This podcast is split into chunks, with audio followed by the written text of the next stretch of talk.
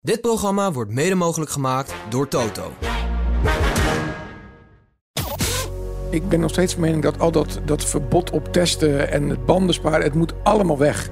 Ik zou het te gek vinden als de teams gewoon zeggen: "Joh, we hebben dit jaar 3 miljard geïnvesteerd in een auto. I'm fine. Het blijft voor mij gewoon gestoord dat je alles wil afremmen. Terwijl Formule 1 moet het aller, allerbeste zijn. Hallo iedereen, eh, Max Verstappen hier, wereldkampioen Formule 1 en je luistert naar Grand Prix Radio. Gaat Max Verstappen het record van Michael Schumacher verbreken?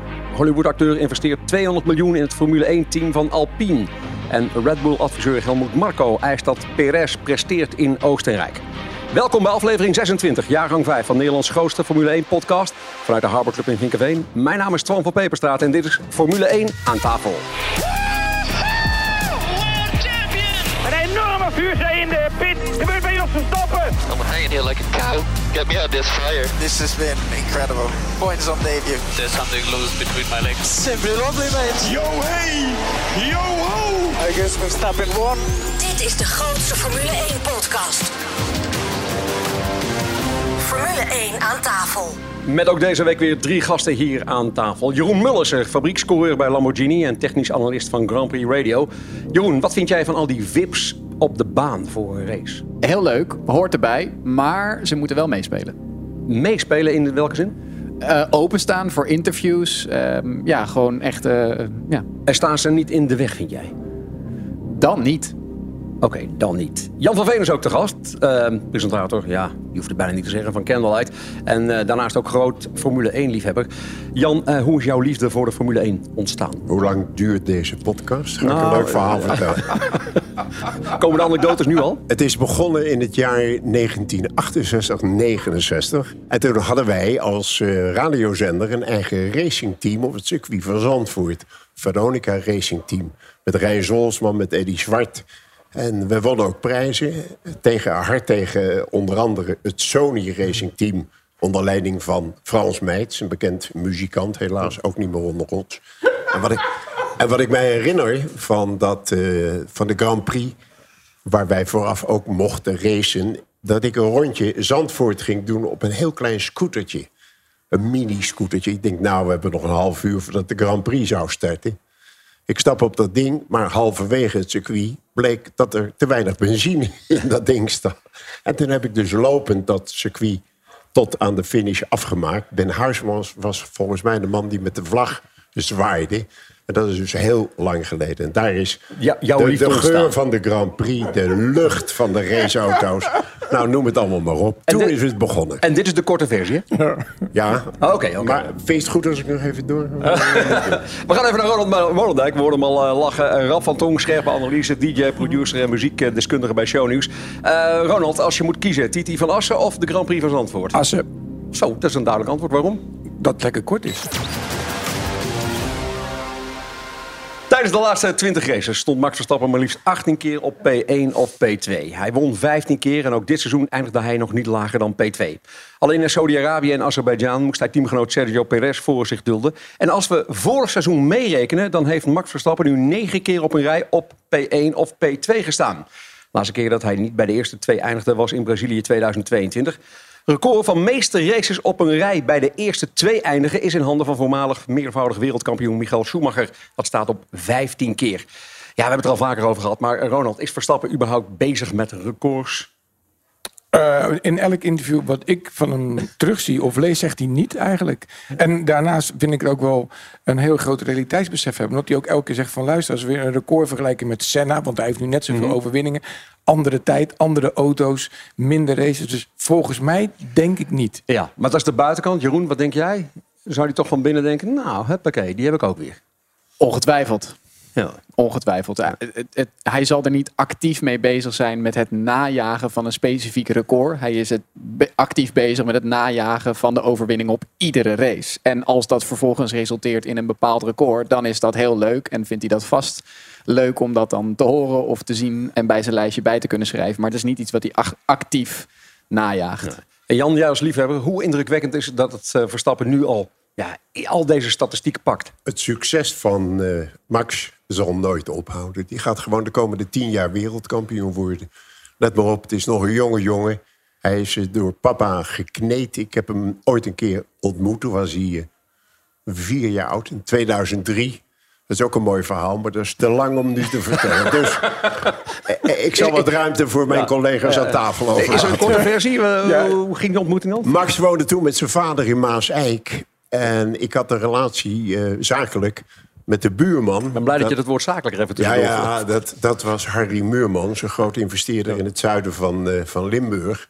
En de buurman was Jos Verstappen. En wat had nou die Harry Muurmans? Die had voor zijn vrouw Vivian een nieuwe auto gekocht. Dat was net op de markt een Porsche Cayenne. En op zijn Limburgs vroeg in mijn aanwezigheid Harry Muurmans aan de buurman om even te komen. Want er zat een knupske in die auto. En de familie Muurmans wist niet wat het resultaat van dat knupske deed. Knipske. Het knipske. Dus toen kwam eh, Jos met eh, kleine Max, vier, drie of vier jaar oud. Vier jaar oud, denk ik. En die ging een rondje maken met de auto van de familie... om uit te vinden wat het resultaat van dat knupske was. Ik heb het nooit gehoord, maar de auto heeft het overleefd. Ah, goed. Eh, de, de vergelijking met Schumacher, ja, want die, dat aantal keren van 15, dat gaat hij ongetwijfeld pakken. Ehm, ja, twijfel jij nog een beetje, Ronald? Ja, kijk, het, is, het, is, het blijft toch wel een motorische sport. Dus de kans op dat er iets van de buitenkant gewoon een keer misgaat, iets afbreekt, en een keer iets niet werkt, weet ook allemaal hoe vaak eh, eh, Max heeft lopen schelden op een motor, op een op. Het kan gewoon allemaal gebeuren. Maar nogmaals, ik denk dat hij er daadwerkelijk, eh, en volgens mij heeft Jeroen het ook perfect verwoord, volgens mij wil hij gewoon alles winnen. Maar niet, volgens mij zet hij geen vinkje.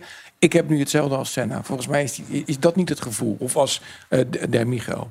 Overigens is het wel een leuk feitje dat ehm, hij staat inmiddels 69 punten op nummer 2 in het kampioenschap. Er is nog nooit iemand geweest die met zo'n grote voorsprong een kampioenschap heeft gewonnen. En hij zit in race, eh, effectief race 8 nu.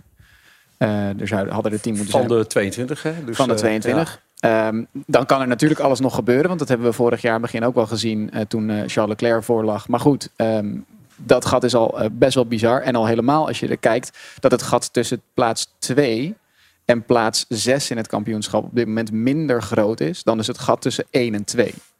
Qua punten. Dus ja, de, ehm, er staat geen maat op. Geen maat op Verstappen. Het Alpine Formule 1-team krijgt er een aantal bekende investeerders bij. In een eh, nieuwe deal voor ruim 200 miljoen euro is de partij Maximum Efforts betrokken. Die wordt geleid door Hollywood-acteur Ryan Reynolds. Ja, en daarbij gaat ook nog eh, bijvoorbeeld oud-basketballer Michael Jordan een eh, onderdeel spelen.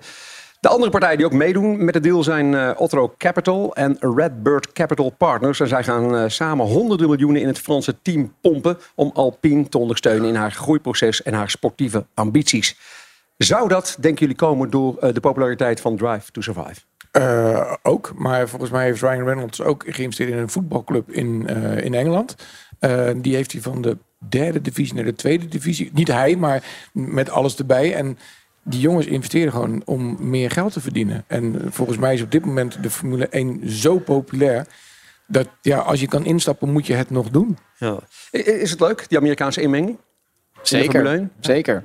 Nou ja, het, het feit dat Liberty Media, een Amerikaans eh mediaconglomeraat, eh, de Formule 1 überhaupt heeft overgenomen, heeft al mega effect gehad op de populariteit van de sport wereldwijd.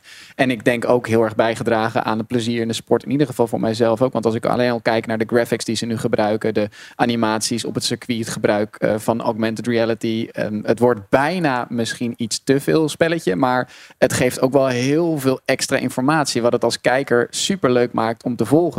Zeker op het moment dat je bijvoorbeeld in een fase in een race zit waarbij er in, qua inhaalacties en dergelijke iets minder actie is. Maar dan is er alsnog heel veel te zien en te volgen. Dus ehm, de toevoeging eh, die die Amerikaanse mediamarkt eigenlijk geeft, vind ik wel alleen maar positief. Jan, jij bent natuurlijk een zakenman die heel leven al geweest. Eh, Formule 1 kost toch alleen maar geld? Dat gaat het toch niet opleveren? Uiteindelijk gaat het het wel opleveren. Want de ervaringen die de merken opdoen in de Formule 1... weken door bij de personenauto's... bij de ontwikkeling van de hele auto-industrie. Dus links of rechtsom, ergens wordt er toch wel wat verdiend. Ja, en, en we krijgen dus nog meer van die eh, bekende rond het eh, parcours, denk ik. Rond de, Ja, begin van de... Dat is toch ook iets wat, wat de normale consument ook heel graag wenst te zien. Namelijk dat er gewoon een soort, ja, een soort bekendheid omheen geplakt zit. Ja. Ik bedoel, ja. Ryan Reynolds kan het trouwens prima leiden, want die heeft eerder al geïnvesteerd in een ehm, telecombedrijf, Mint Mobile. En dat heeft hij nu net verkocht voor 1,36 miljard. Dus ik begrijp precies waar hij nu zijn Ja. kapitaal vandaan gehaald heeft om te zeggen, nou weet je wat, dat trucje heb ik ook al een keer goed gedaan. Nu ga ik dat eens doen in een Formule 1 team. En vergeet niet, er komt volgens mij toch over een jaar een, een Formule 1 film aan.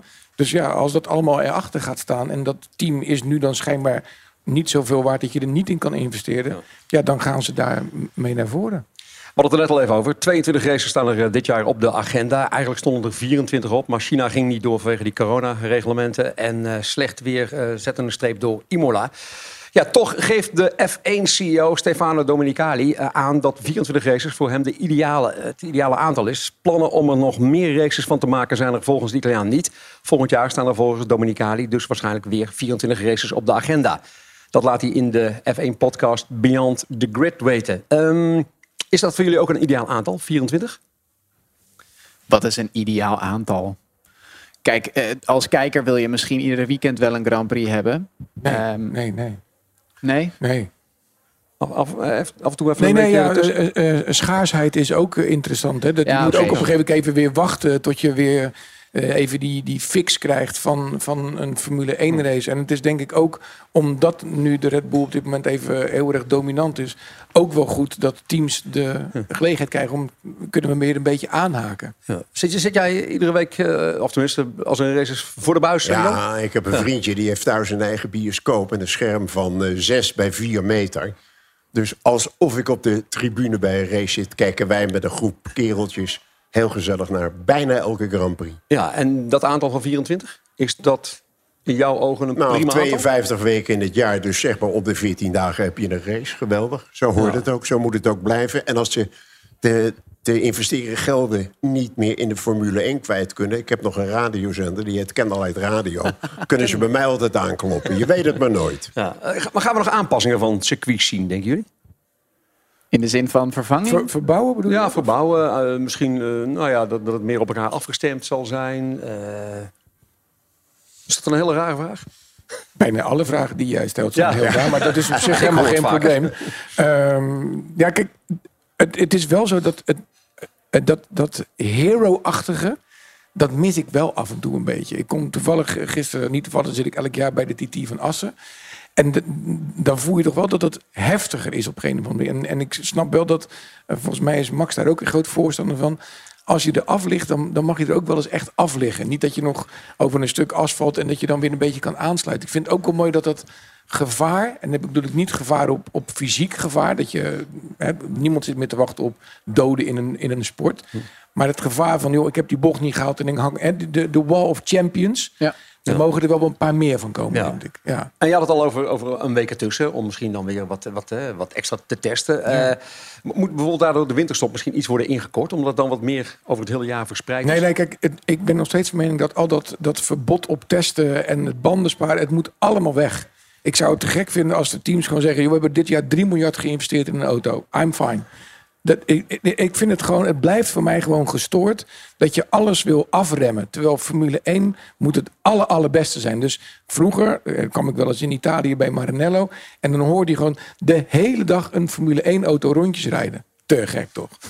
ja, toch? Ik bedoel, Super. Ja, Ja, gewoon genieten, alles moet maximaal in Formule 1. En niet restricties op testen of op ontwikkelen enzovoort.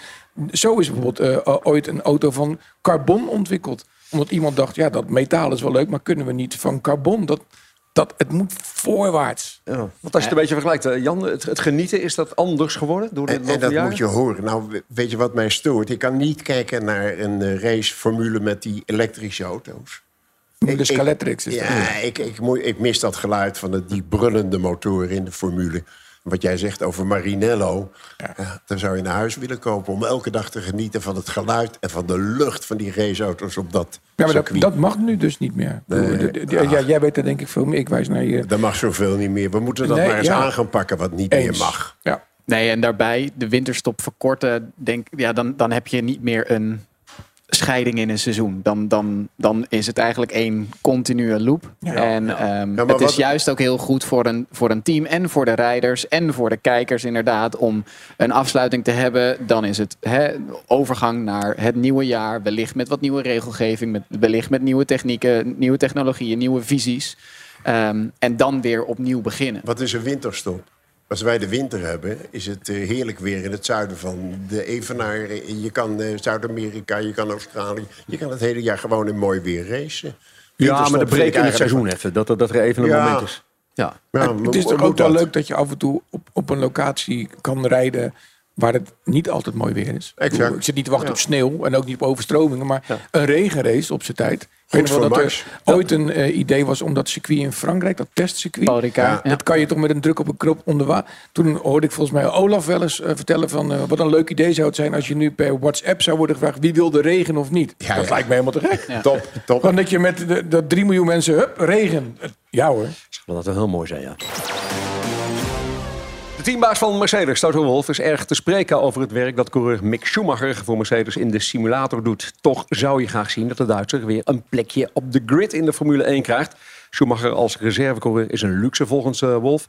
In Duitsland gingen er zelfs geruchten dat Toto Wolff met de nieuwe Red Bull-baas Oliver Mintzlaff zou hebben gesproken om Mick Schumacher aan een zitje te helpen bij het Formule 1-team van Alfa Tauri. Volgens Ralf Schumacher, Mick's oom en voormalig F1-coureur, zou Red Bull-adviseur Helmut Marko dat plan hebben afgeschoten. Toto Wolff ontkent dat hij naar eh, Red Bull zou zijn gelopen om opties voor Schumacher te bespreken. Wat moeten we geloven van dit verhaal? Nou, even, even begin beginnen. Toto Wolff zegt dat hij blij is met het werk van Mick Schumacher in de simulator. Ja, Nou, dat, is- en, en dat klopt.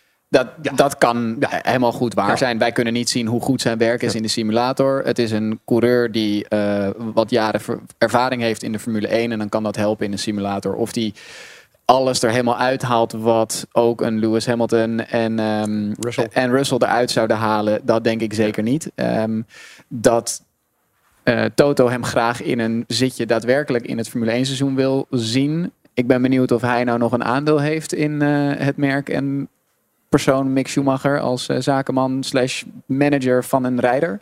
Dan is het altijd interessant om je rijder inderdaad op een plek in, ehm, eh, in de Formule 1 te hebben. Zoals hij dat ook eh, zo gepusht heeft bij George Russell destijds met Williams en vervolgens naar, naar Mercedes heeft kunnen halen. Volgens mij heeft Mick genoeg kansen gehad om zich echt te bewijzen en dat heeft hij niet gedaan. Maar Red Bull en Mercedes die gaan samenwerken, dat is toch... Nee, kijk, Sowieso. het kan het altijd zijn dat een rijder wordt overgenomen vanaf een ene stal naar een andere stal. Maar Red Bull heeft volgens mij echt geen enkele interesse in een rijder als Mick Schumacher. Daarvoor hebben ze zelf te veel jongens in hun eigen juniorprogramma's zitten. En ze hebben ook nog onze Australische grote vriend Daniel Ricciardo letterlijk op de reservebank zitten. Die zo ergens in kan springen. Met, naar mijn idee, sorry, meer talent en meer ervaring dan Mick Schumacher. Jan, zie jij eh, Mick Schumacher nog terugkeren in de Formule 1? Nee, eerlijk gezegd niet. Want hij heeft de kansen gehad. Alleen is de vraag, wat presteert hij in een betere auto?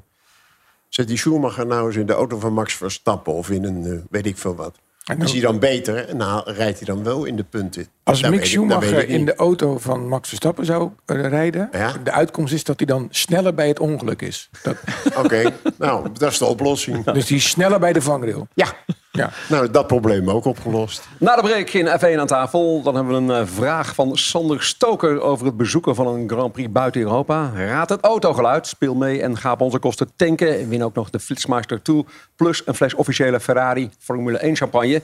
En Red Bull coureur Sergio Perez moet Q3 halen van Helmut Marko. En we blikken vooruit naar de Grand Prix van Oostenrijk. Tot zo. Tanken voor de prijzen van 22 jaar geleden? Maak zondag 2 juli de Tink en Grand Prix Radio Pitstop. Bij 22 Tink tankstations door heel Nederland. Download nu de Tink for You app en blijf luisteren naar Grand Prix Radio voor al het nieuws over deze superactie. Een gebruikte auto kopen was iets waar ik niet vrolijk van werd. Totdat ik de site van Paul van Bergen tegenkwam met prachtige reviews over service en betrouwbaarheid. Mijn volgende auto, die koop ik weer bij Paul van Bergen. Zo, dat ziet er goed uit. Dank je. En de auto is ook mooi, hè? Van daar vind je hem wel. Welkom terug bij de grootste Formule 1 podcast van Nederland. Dit is Formule 1 aan tafel. Er is een vraag binnengekomen van een luisteraar, Sander Stoker, via het mailadres f1 aan tafel. Ik wil met mijn vrouw graag op reis en dan een Formule 1 weekend bezoeken. Wie wil er mee? Oh nee, nee, dat is niet de vraag. We zoeken iets buiten Europa liefst eh, met een eh, beetje vermaak buiten de race om. De vraag is, wat adviseren jullie ons om te gaan doen? Welke race? Ik, ik ga kijken eerst naar jou. Je hebt volgens mij de meeste ervaring ook met, met circuits en toch?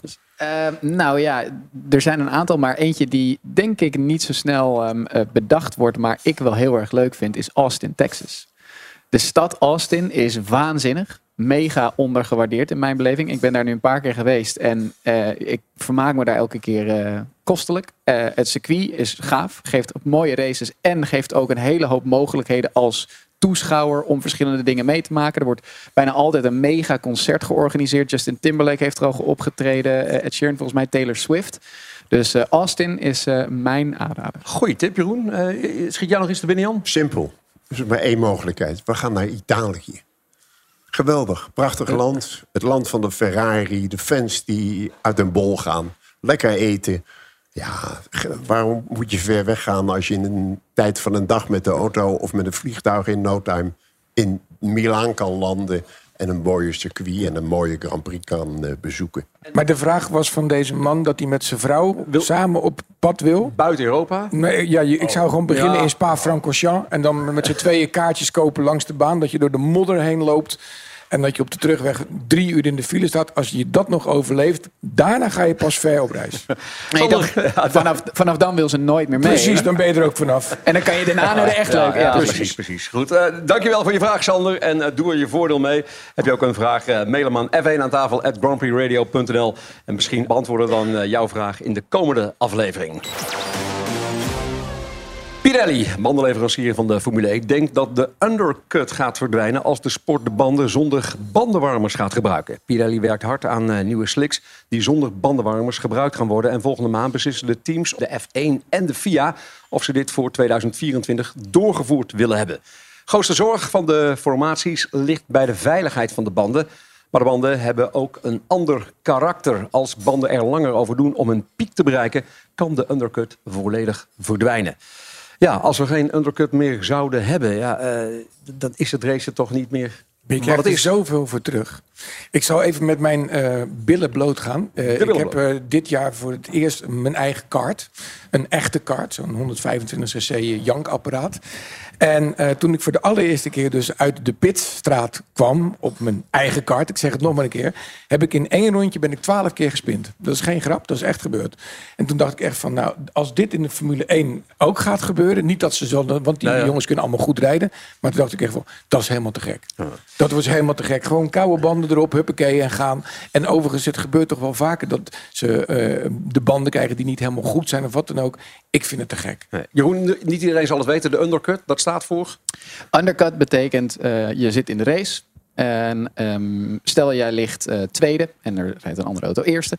Dan ehm, stopt de tweede auto eerder dan de eerste auto. Dus die gaat al eerder naar binnen voor de pitstop. Haalt nieuwe banden. Komt dan op een vrije baan. Want de rest van, de rest van het veld is lekker doorgereden. Heeft een vrije baan voor zich. En kan vol gas op hagelnieuwe banden. Snellere rondetijden dan de auto die voor hem lag. Ja. Doordat hij in die paar rondjes, totdat die auto die voor hem lag, snellere rondetijden in vrije lucht kan rijden dan de auto voor hem, zal die zeg maar het gat wat er was hebben overbrugd. Als dan de eerste auto stopt voor zijn pitstop, komt die auto helaas achter die andere auto op de baan eh, en heb je een undercut. Ja, maar die undercut, Jan, maakt toch op dit moment ook de Formule 1 wel leuk. Heel leuk, interessant. Nee, geweldig. Maar ik sluit me helemaal bij de vorige spreker aan. Maar ik ben dus volledig voor het afschaffen van de bandenwarmers. Dat bedoel ik Ja, dus, ja dat, dat, zo, zo begrijp ik het ook. Ja. Ja, nee, maar dat ik, ik word nu ineens op de hoek van de sprekers, op de berg van de sprekers. sorry. gehaald. Ja, ja, ja. Eh, hij was dus... Eh, eh, maar hoe sta jij erin, Jeroen? Nou ja, eh, kijk, je, je haalt misschien het element of de, de truc van de undercut haal je weg. Maar waarom is een undercut interessant? Omdat het op dit moment vaak niet lukt om iemand fysiek op de baan in te halen. Daarvoor hebben ze ook al DRS bedacht. Om dan op het rechte stuk, als je in de buurt rijdt, op topsnelheid iemand in te kunnen halen. Een andere truc om iemand in te halen op dit moment is dus het gebruik maken van die undercut. Het is wat gevaarlijker, maar het vergt dus meer talent en skill van de rijder. Dus ben ik ook wel voorstander van. Want het geeft, het, het haalt weer meer naar echt rijderskwaliteiten toe. Jan, we leren nog iets hier, hè? Ja, ik, Daar, maar ik zwijg. Er staat hier een eh, fles Ferrari Trento Doc. Ehm, ja, die kunnen we eventueel naar jou gaan opsturen. Ehm, ja, we doen er ook nog een Flitsmeister 2 bovenop. Je hebt maar twee dingen nodig. Een goed antwoord en een beetje geluk. Mario de Pizzaman. Die staat bij eh, Paul van Bergen in Druten en praat met, jazeker, Paul van Bergen zelf. We staan weer bij Paul van Bergen met Paul van Bergen zelf. Hallo, die Mario. Alles goed? Uitstekend. Jij zit in een auto die ik nog niet zo lang geleden op de website zag komen. Nee, klopt. Het is een uh, meest extreme, luxueuze limousine. In een fantastische kleurstelling. Alle opties erop en eraan. Ja, als een Forst rij je hiermee in de ronde. Absoluut. Ik ben reuze benieuwd naar het geluid. Nou, dan gaan we even starten voor je. Komt-ie aan. Klinkt heel bescheiden, maar dat mag ook wel tegenwoordig. Ja, het, uh, het klinkt bescheiden, maar op het moment dat je op temperatuur is en je geeft een keer gas, dan wordt het geluid even wat anders. Hoe is het met je volgers op Instagram? Uh, dat gaat goed. Er kunnen er altijd meer bij. Dus jongens, uh, luister, volg Paul van Bergen op Insta. Nou, daar gaan hele leuke dingen gebeuren. Nou, iets met glascoating? Glascoating, poetsen. ook wat belangrijk is, is dat je dan... ja, er komt straks een verhaaltje bij Olaf op zijn Insta. En dan, ja, dan komt er iets leuks uit. Reuze benieuwd. Dankjewel. Graag gedaan. Waar vinden we die auto? www.paulvanbergen.nl Ja, daar vind je hem wel. Zoals Jan altijd zegt, daar vind je hem wel. Ja, van welke auto was dit geluid? Stuur je antwoord naar f1 aan tafel. De winnaar van vorige week is Bas, zonder achternaam. Geluid was dat van een Mercedes S350. Veel rijplezier. Je mag de tank van je auto helemaal volgooien bij Tink. Je krijgt ook nog een flitsmaster toe ter waarde van 80 euro. Die voorkomt dat je te hard rijdt. En proost, want je wint ook nog de officiële fles Ferraro Formule 1 Trento Doc. Zoals de coureurs die ook krijgen op het podium. Het gaat de laatste kwalificaties niet zo heel goed met de teamgenoot van Verstappen, Sergio Perez. En volgens de adviseur van Red Bull, Helmut Marco, moet hij dit nu eindelijk weer eens goed voor elkaar zien te boksen. Mexicaan is afgehaakt in het wereldkampioenschap en dat komt door vier mindere kwalificaties in 2023. De laatste drie Grand Prix haalde hij telkens Q3 niet. In Monaco raakte hij de muur. In Spanje kwam hij in Q2 in de Ginbrak terecht. En in Canada haalde hij Q3 niet door de regen. Hoe kan het dat het nu zo slecht gaat met Perez? Ja, ik hoor de hele tijd overal dat het druk is enzovoort. Maar ik denk toch gewoon dat, het, ja, dat hij door de ondergrens heen zakt. Dat is het volgens mij. Hij zit gewoon in een auto die beter is dan dat hij eigenlijk kan sturen. Is het zo simpel, Jeroen? Ja, ik denk dat hij wel beter is dan dat hij nu laat zien. Um, en hij zit nu op een of andere manier gewoon even in een, gewoon even in een negatieve spiraal. Waar hij, waar hij zich uit moet zien te breken. Dit is echt even een psychologisch spelletje. Hij heeft alle middelen. Hij heeft in het verleden laten zien dat hij het talent op zich wel heeft. Of in ieder geval de skill om beter te doen dan wat hij nu doet. Want nu is het echt dramatisch. En hij hoort gewoon vlak achter Max te staan. Absoluut achter Max. Maar wel er vlak achter. En, en dat moet hij echt zelf doen. Daar kan niemand anders hem bij helpen. Ja. Maar hij is toch, niet, hij is toch nog nooit consistent geweest? Ja, consistent uh, niet de kampioen. Maar ik bedoel, hij heeft toch altijd van die momenten dat je denkt... oh ja, nou dit zijn dan weer twee van die kwalificaties... voor twee van die races, dat het helemaal door het putje gaat. En dat, Ja. dat, dat doet hij nu gewoon een paar op een rij. Heeft Ja. een beetje veel pech gehad, denk ik. En, en het seizoen is nog erg lang. Want hoeveel races moeten ze nog? 22? Hoorde Eh, ja, goed? 22. Dus Nou, ach- acht hebben we gehad. Ja. Niks aan de hand. Voorlopig eh, laat hem eh, zijn best blijven doen. En dan gaat het beslist een keer gebeuren. Maar een aantal keren pech achter elkaar. Dan zeg je eigenlijk ook in de volksmond, eh, Ja. dat is ook weer geen pech. Ja, ieder mens kan dat overkomen. En ook hem. Dus eh, geen zorgen. Komt goed. Maar zullen er consequenties zijn als hij weer Q3 niet haalt? Want dan wordt het wel iets pijnlijks. Ik denk niet direct. Ze zullen hem niet zomaar halverwege een seizoen vervangen. Zo dramatisch is het op dit moment denk ik ook nog niet. Er zal ongetwijfeld over gesproken worden. En inderdaad zo'n statement wat Helmut Marko dan nu maakt is ook niet voor niets. Ehm, ja, ze hebben nog steeds inderdaad Daniel Ricciardo die ernaast zit. Maar die gaan ze niet zomaar, zomaar vervangen. Dit weekend is er natuurlijk door de sprintrace maar één eh, vrije training. Is dat misschien een voordeeltje voor hem? Eh, nee, dat denk ik eigenlijk niet. Volgens mij wil je vooral, eh, en, en dan refereer ik even aan het, dat de eerste keer met koude banden uit een, eh, op, in een kart uit de, de pit gaat komen. Dat overkomt mij ook niet meer nu. Dus volgens mij hebben de- deze gasten kunnen toch wel rijden inmiddels. Ja, mag je wel hopen, ja. Ja, en dus ik denk dat juist een extra vrije training voor hem zou nu prettig zijn om dat, dat gevoel weer op te bouwen. Maar ja, ik kijk gewoon naar de coureur naast me. Volgens mij behoor je toch gewoon dat ding te kunnen rondrijden. Ja, ja hij, hij moet weer vertrouwen krijgen. Wat dat betreft is eens een vrije training niet voordelig voor hem. Want dat voegt, vo- voert de druk alleen maar op. Hij moet het nu in die ene vrije training meteen voor elkaar hebben. Zodat hij het inderdaad in de kwalificatie nu wel weer, eh, weer kan flikken. En Ik vind het overigens, sorry dat je het deed. Ik vind het eigenlijk wel interessant wat je zei van.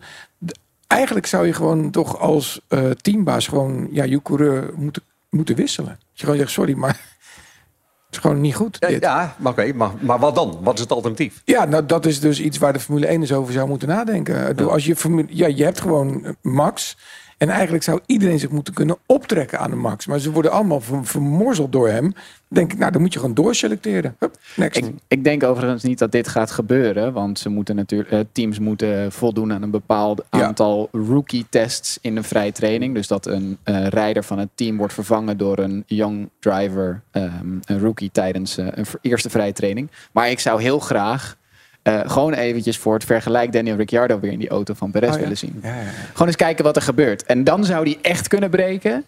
Ja. Als hij dan wel snel is. Ja. Goed, ja, want komend weekend hebben we natuurlijk de Grand Prix van Oostenrijk. Eh, ook weer een eh, sprintformat. Vrijdag hebben we de eerste training om half twee. Dan om eh, vijf uur de kwalificatie voor zondag. En dan zaterdag om 12 uur de sprint shootout. En om half vijf de sprint race. Zondag dan om drie uur de race. Eh, vind, je- vind je het leuk trouwens, al die, die sprint, dat Ja, ik, ik vind dat heel spannend. Ik vind Ja? dat heel leuk. Ja, Extra kijk punten die te verdelen ja, zijn. geweldig. Ja. Nee, vind ik echt leuk. Ja, wat, wat maakt overigens eh, Oostenrijk de Grand Prix zo leuk? Jeroen?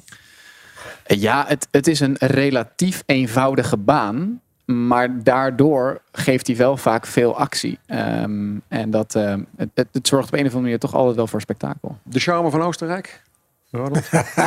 De charme van Oostenrijk. Ja, vraagteken. Het is een heel dun boekje, is dat. de charme van Oostenrijk.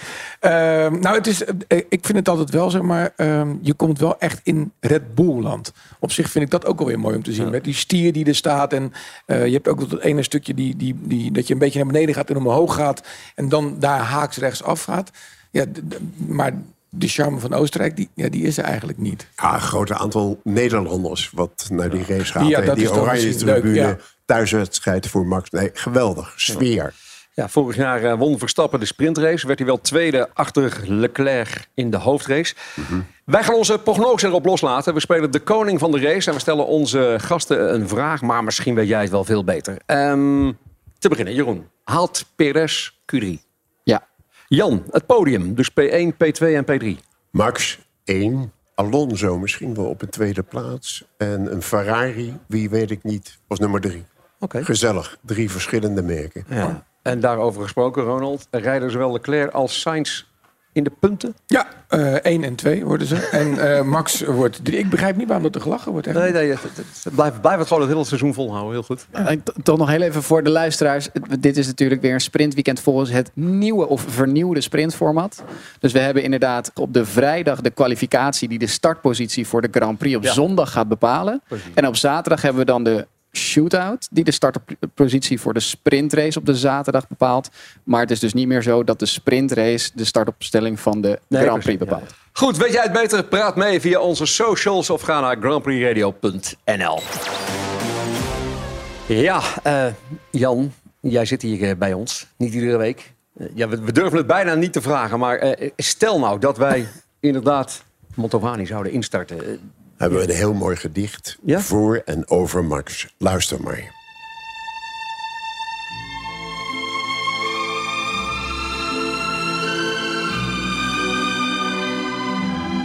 Jij. Jij zei zondagmiddag tegen mij. Waarom rijdt Max toch iedereen voorbij? Ronde na ronde is hij de snelste op de baan. Waar komt toch die snelheid vandaan? Lewis en Charles raken daarvan in de stress. En redden het zelfs niet met DRS. Max vindt het echter een heerlijk gevoel. Dominant zijn op zondagmiddag in een Red Bull. Ja, mooi muziek. Ah. Dankjewel, eh fijn dat je er eh, was, eh, Jan. Graag gedaan. Ik kom graag een keer terug. Ja. Maar dan moeten de luisteraars van deze podcast zelf een mooi gedicht gaan sturen aan Grand Prix Radio. Nemen wij het op en misschien krijgen ze van jullie een mooie prijs. Ja, dan zetten we er zeker iets eh, tegenover. Eh, Jeroen, ook eh, fijn dat je er was. Dankjewel, eh Ronald. Dank voor jullie aanwezigheid. En jullie krijgen alle drie een officiële Formule 1 Ferrari Trento Doc mee naar huis. Nog even een tip voor de echte Formule 1-fan. Eh, dit weekend is eh, alle actie in Oostenrijk live te beluisteren via Grand Prix Radio. Met onder meer het commentaar van Olaf Mol en Jack Ploy. Wil je niks missen? Download dan de gratis Grand Prix Radio app voor je smartphone of tablet. En eh, neem Premium BE. Volgende week zijn we er weer. En dan onder meer aan tafel. Coureur en winnaar van de 24 uur van Daytona, Indy Doontje. Nederlandse meest besproken teambaas Frans Verschuur. En de presentator van dienst is dan Mattie Valk. Dit was F1 aan tafel. Redactie Sjaak Beumer. Vormgeving en montage Marnix Westhuis. En draaiboek en productie Mario de Pizzaman. Mijn naam is Twan van Peperstraat. En blijf nog even hangen voor de hapjes hier in de Harbor Club met Boos. Dit is de grootste Formule 1-podcast. 1 aan tafel. Tim, wat staat er op de kaart vandaag? Nou, we hebben allemaal eh, lekker wat frisse, wat frisse dingetjes voor jullie gemaakt. We beginnen even met eh, wat plakken watermeloen met wat verse munt eroverheen. We hebben nog een shotje met gazpacho. We hebben de Pornstar Martini Cheesecake. Dat is een eh, cheesecake met wat passievrucht erin. Een magnum met passievrucht en vanille. Uh, passievrucht coulis. Nou, bedenk het en het zit erbij. Dan hebben wij hier ook de Gunkan Joe. Dat is een eh, variant op een, op een gunkan, zo'n sushi bootje. Alleen dan nu met zalm eromheen. Met een zalmsalade erop. En wat, eh, met wat Kewpie mayonaise en sojasaus. En de vegetarische variant is een gunkan met tofu en avocado. En daarnaast nog wat uh, salmon torch en California maki. Ziet er heerlijk uit. Dankjewel. We gaan er eh, lekker man. van, eh, van eten. Ronald, wat wil jij nog kwijt? Ja, ik moet, eh, ik moet biechten. Oh. Ja, eh, Jan, eh, te gast, nog nooit eerder ontmoet. Maar die heeft ervoor gezorgd dat ik een keer een Fiat Panda helemaal heb afgeschreven. Vertel. Nou, ehm, er was een periode eh, dat wij altijd met een hele groep eh, vrienden de, eh, de, de gekke hebbelijkheid hadden om s'avonds naar Candlelight te luisteren. Zo stoned als een garnaal. Was dat in Den Haag wat je gaat Eh, Nee, nee, dit was eh, Oké. op het strand van Oostvoorne. Daar had je namelijk het autostrand. En dan mocht Ja. je toen met je auto op. En wij waren op een gegeven moment zo in de ban van jouw eh, mooie stem. Mhm. En eh, nogmaals, volledig eh, de weg kwijt. Dat wij niet door hadden dat de vloed was begonnen. En op een gegeven moment zegt een van de mensen die achter in de Fiat Pan zitten... gasten, mijn voeten worden helemaal nat. Waarvan wij dachten, nou, die is echt heel stoned. En wat bleek, op een gegeven moment stond dus het water gewoon daadwerkelijk in de auto. Ik heb hem eruit kunnen rijden. Eh, en het mooie van het verhaal was, daarom moet ik ook op de biecht. Ik moet de biecht bij de, mijn toenmalige werkgever, Tandtechnisch Laboratorium Vellema. Ik was in opleiding als tandtechnieker en dat was de auto van de zaak die ik heb meegegeven. We hebben uiteraard nooit iets gezegd. We hebben de auto gewoon schoongemaakt, op de parkeerplaats gezet. En eh, ik geloof dat die twee dagen daarna brak die min of meer door midden van de roest. En Jan, Nogmaals, jij- dank daarvoor. Ja, En je bent naar Candlelight blijven luisteren. Absoluut. Jij denkt dat alleen maar kinderen zijn verwerkt op jouw gedichten. Eh, veel. Let op. Alle gebruik van hetgeen in deze podcast F1 aan tafel wordt opgemerkt is ongeoorloofd. Zonder expliciete schriftelijke toestemming te zaken verkregen van Grand Prix Radio. Met inachtneming van een duidelijke, deugdelijke bronvermelding met link.